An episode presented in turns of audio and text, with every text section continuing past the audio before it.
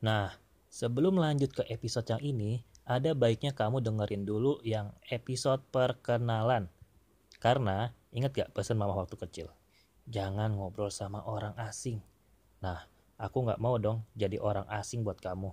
Silahkan dengerin dulu ya tema perkenalan sebelum lanjut ke tema yang ini.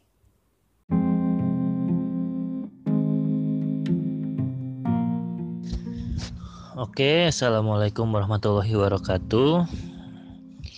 Di kondisi lockdown begini, social distancing, karantina, dan semacamnya, banyak banget yang bertanya gimana sih cara mengatasi stres. Kadang hal-hal yang dilakuin untuk ngilangin stres nyatanya nggak begitu bekerja. Apalagi kalau sekarang kondisinya lagi WFH terusan itu itu aja di rumah doang. Terus gimana cara ningkatin mood jadi baik? Oke. Pertama cara ngilangin stres. Biasanya stres itu berada di pikiran. Banyak orang yang cara bahagianya itu buat gue pribadi ya itu rumit banget gitu padahal buat gue bahagia itu diputuskan bahagia itu simple banget. Intinya semakin mudah kamu bahagia semakin sulit kamu sedih. Semakin mudah kamu lapang semakin sulit kamu untuk stres. Jadi please jangan buat rumusan-rumusan baru tentang kebahagiaan gitu. Karena rumus bahagia adalah tanpa syarat. Mungkin gak sih kalau orang bahagia stres? Enggak ya. Terus cara bahagia gimana? Bersyukur. Cara bersyukur gimana? Senyum. Paksa aja. Nanti lama kelamaan moodnya akan naik.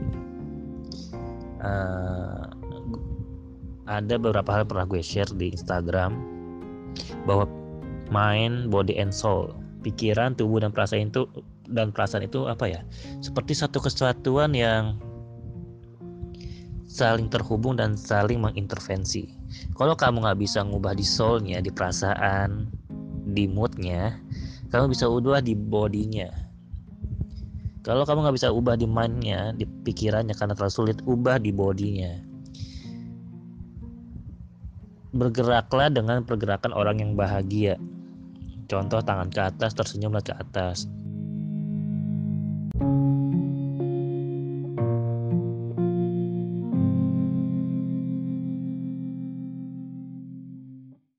Tersenyumlah karena itu mudah, tersenyumlah karena itu ibadah, dan tersenyumlah karena itu indah.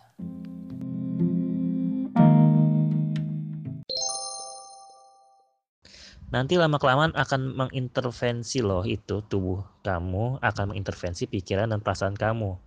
Makanya orang yang cenderung bergerak ya berolahraga itu cenderung kelihatan lebih berbahagia sebenarnya. 5 menit aja nggak usah lama-lama nanti moodnya insya Allah akan naik. Atau kamu lakuin hal-hal yang setidaknya mubah membahagiakan.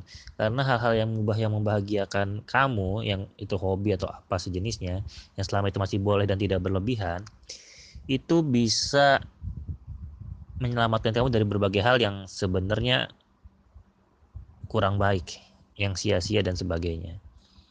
Ya jadi hiburlah diri kamu di kondisi saat ini kalau kamu suka membaca, coba membaca buku-buku yang mungkin selama ini belum dibaca. Kalau kamu suka main game, cobalah sesekali main game. Atau lakukan hal-hal baru, atau lakukan hal yang sama dengan cara yang berbeda. Dan tapi yang paling efektif adalah kalau untuk ngilangin stres, penyakit hati, penyakit jiwa, penyakit pikiran, itu sudah ada panduannya dan langsung diberikan panduannya oleh yang maha menciptakan kita yang paling tahu kita. Karena kalau misalkan kamu beli kipas angin aja pasti ada buku panduannya kan ketika rusak. Dan buku panduan dari orang yang membuat kipas angin tersebut yang paling tahu tentang kipas angin tersebut. Dan yang paling tahu tentang kita tentu yang menciptakan kita. Dan caranya adalah dengan dekat dengan Al-Quran ya nggak ada pilihan lain karena itu di pedomannya karena Al-Quran ini adalah syifa, obat penyembuh bagi setiap gundah gulana, kegalauan dan sebagainya. Permasalahannya adalah bukan permasalahan kali ya, tapi kurang tepatnya adalah kebanyakan orang hanya membaca Arabnya aja tanpa menjadikan itu sebagai role model di kehidupannya, menjadikan perspektif, menjadikan sudut pandang, menjadikan makna baru, menjadikan sesuatu hidayah atau petunjuk lah ya guidance di dalam hidupnya. Itu yang kurang sebenarnya kebanyakan orang. Sayang banget. Padahal kita ini nggak cukup dengan membaca Al-Quran tapi kita harus membaca dengan Al-Quran. Setiap kejadian setiap apa yang pun kita rasakan yang kita alami kita seharusnya membaca dengan Al-Quran. Ayat apa sih yang sebenarnya sedang terjadi di kehidupan saya apa sih yang harus saya lakukan? Apa sih pesan Allah yang ingin saya disampaikan kepada saya? Dan semua itu jawabannya tentu ada di Al-Quran. Dan ala bizikrillah hanya dengan mengingat Allah hati menjadi tenang. Bener deh kalau lagi asik banget dengan Al-Quran pasti moodnya bisa langsung kayak baik gitu lagi.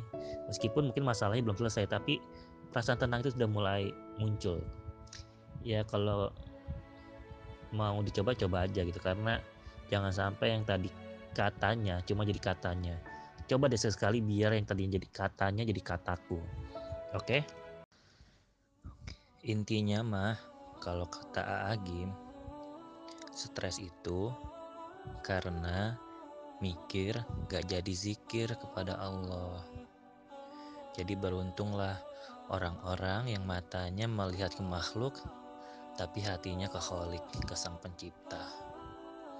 Kalau kata Ustadz Dr. Arozi Hashim, perbedaan orang mukmin dan munafik itu setelah dia teliti, yaitu orang mukmin adalah orang yang banyak mengingat Allah. Banyak, jadi nggak cukup hanya mengingat saja. Di situ aku mulai tersadar di mana posisiku. Oke teman-teman, semoga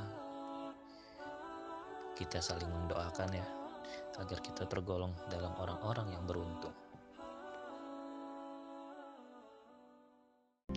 Itu aja mungkin tips baik dari yang sedikit yang aneh tahu, yang sedikit aneh pernah coba-coba dan ternyata berhasil. Semoga kamu tetap bahagia di kondisi apa pun itu karena sebenarnya apa pun kondisinya itu netral-netral aja semua tergantung respon kamu. Itu udah pernah saya bahas di YouTube saya buka aja di bit.ly garis miring motivator paham. Ya karena channelnya nggak belum begitu famous karena jarang upload banget jadi pakai bit.ly